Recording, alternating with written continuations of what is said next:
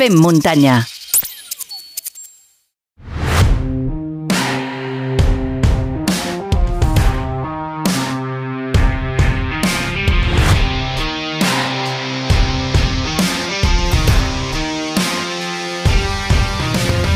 Tornem a la consulta del nostre coach esportiu de capçalera, ja ho sabeu, el Guillem Marchal és llicenciat en Ciències de l'Activitat Física i l'Esport i Master Coach per la International School of Coaching. Molt bones, Guillem!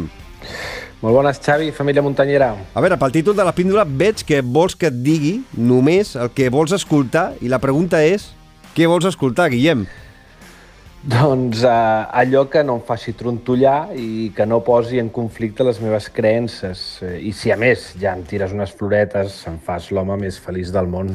Enganyat, però feliç. Bueno, i, i enganyat per què? Doncs perquè si no deixo que ningú posi en dubte tot el que tinc al voltant i a més em crec que sóc el millor en tot, estaré vivint en una mentida i no em faig permeable a les coses bones que em poden venir. Bueno, però potser viure en una mentida feliç que en una realitat potser desagradable, eh? Ja, però saps què passa? Eh, que una mentida no es pot mantenir en el temps. Depèn de l'habilitat del farsant o farsants i depèn també del nivell de desconnexió que tingui jo de la realitat, l'engany es podrà perllongar més o menys temps. Però al final tot es sabrà. I llavors la decepció es multiplica per mil perquè a la mala notícia inicial se li afegeix el temps d'ignorància descreguda pensa que no hi ha millora sense adversitat ni evolució sense conflicte. Això tan profund que dius, no sé si tu ha despertat la Clàudia Sabata durant l'entrevista. Bé, eh, això se'n va despertar el dia que vaig eh, reneixer, però sí que és cert que l'entrevista posa de rellevància un aspecte que és clau en la mala recuperació de lesions, en les recaigudes i en les cronificacions de depèn de quines d'elles. I aquest aspecte és la incapacitat que tenim d'acceptar el que ens és dit si no coincideix amb el que volem escoltar. O, o, o per exemple, quantes vegades no t'ha passat que t'has fet mal, has descansat un parell de dies i el tercer ja t'estàs provant. I si tens molèsties, eh, li restes importància i segueixes pensant que ja passarà. Jo crec que t'he de confessar eh, que moltes vegades això em passa, inclús a vegades eh, tenint alguna dècima, eh, saps que no estàs gaire, fe, gaire fi, però et vas, et vas provant, eh? Però, bueno, per mm. sort, per sort, al final tampoc he tingut eh, cap lesió com la que ha patit la, la Clàudia i sempre he pogut anar trampejant i res que a vegades una sessió de fisio, un parell de sessions, eh, no et posi tot a lloc, eh? Bueno, és que, és que no cal tenir una lesió de, de la seva gravetat eh, per ser un mal pacient. A quants fem muntanyers i fem muntanyeres no els sona la pregunta mm, per quan tinc? O, o bé la de quan podré tornar-hi? O aquell ibuprofen màgic que ens ha de salvar a qualsevol cursa. I llavors, és clar, venen fascitis eternes, tendinitis rotulianes perpètues o molèsties del psoas i del piramidal perennes. Jo crec que al final la resposta dels serveis mèdics a aquestes preguntes eh, no, hauria, no hauria de ser tens per tants dies o setmanes o mesos, sinó que hauria de ser per quant de temps vols que et digui? O, o quin dia hi vols tornar? Perquè, total, no em faràs ni puto cas i faràs el que et doni la puta gana. Una mica de raó sí que te l'he de donar, eh? sí que la tens, però és que és molt frustrant saber que estàs en una bona dinàmica i, i de forma física i que de cop i volta t'has d'aturar i no saps si dues setmanes, dos mesos o, o dos anys. Bé, Eh, en primer lloc, si t'acabes lesionant, potser és que en tan bona dinàmica no estaves i per això quan no t'atures tu, el teu cos sap com aturar-te. I en segon lloc, em fascina veure com els muntanyeros i muntanyeres són capaces d'estar hores i hores pacientment corrent i caminant per la muntanya amb un objectiu clar i, en canvi, després no saben destinar-li el temps que calgui a la seva recuperació. Suposo que, que la salut no deu ser tan important com ser finisher, potser. I tens alguna explicació per tot això, Guillem? Doncs en té diverses. Eh, l'assumpte de no voler escoltar serveis mèdics i buscar setenes i vuitenes opinions o fer més cas a Google, que a l'especialista amb el que et visites, és que avui dia no sabem gestionar la nostra frustració. Tenim molt poca tolerància al no i quan algú ens el posa al davant ens el prenem com un atac personal amb el que reaccionem amb la indiferència i el menysteniment. Respecte del fet de no fer cas i prendre les nostres pròpies decisions independentment de l'opinió dels serveis mèdics, probablement probablement, eh? és degut a que som una societat enfocada i educada en els últims temps en el curt termini, en el curtterminisme, en la immediatesa, I després també a que som addictes a les endorfines que genera el nostre organisme i saber que en un temps no les podrem sentir ens angoixa i, i, no, i no renunciarem fàcilment. I com podem aprendre a fer cas i, i a parar? Doncs a hòsties.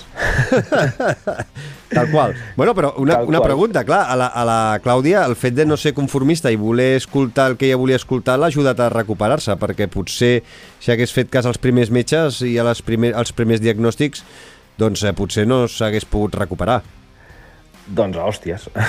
Al final, eh, això funciona així. Um, no, no és que eh, no s'hagin de buscar diferents opinions, eh, no és que tu no puguis eh, buscar eh, altres eh, diagnòstics, però que sí que és cert és que eh, el que no pots fer és no creure't allò que t'està dient un especialista. El que no pots fer és, si no escolto el que jo vull sentir, directament eh, desmereixo aquest especialista i l'abandono.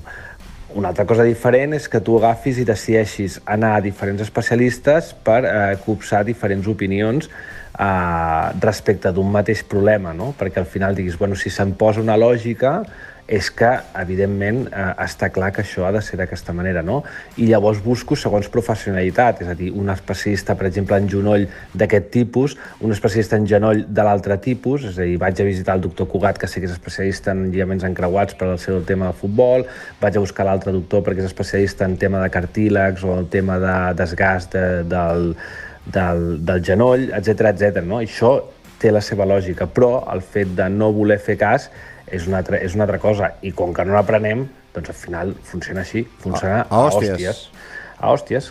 I a més, la Clàudia ho ha deixat clar. Mm, vull dir, i els nostres amics fem muntanyeros i fem muntanyeres eh, ho saben de sobres. Fins que no toques fons i fins que algú no ve i t'amenaça i et dibuixa el futur que t'espera i fins que tu no pots tirar de cap de les maneres i reconeixes necessitar ajuda, seguiràs i seguiràs i no pararàs i tot així tampoc és segur que n'aprenguis prou i amb prou rapidesa i menys encara que no repeteixis les mateixes errades en, en un futur pròxim. De fet, no, no és amb aquella dita de que l'home és l'únic animal que eh, ensopega eh, dues vegades la mateixa pedra. No? Nosaltres som especialistes, jo em considero ensopegador professional i crec que animal, sobretot, eh, per davant de tot.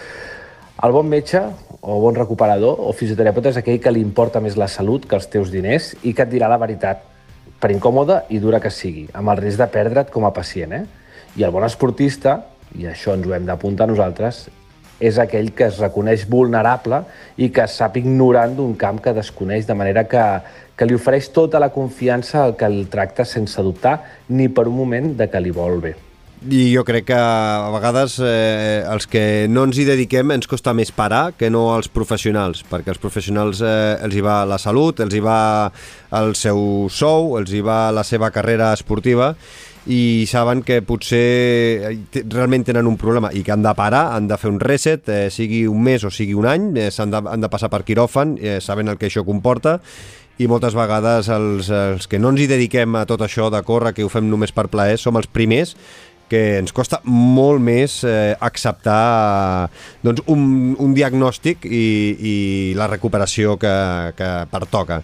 Vull dir que doncs, esperem que no ens hi haguem de veure gaire eh, per això en aquesta batalla i que puguem gaudir per molts anys de la muntanya al nostre aire. Eh?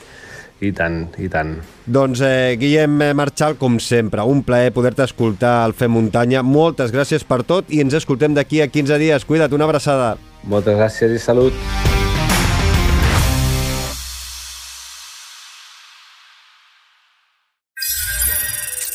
Fem muntanya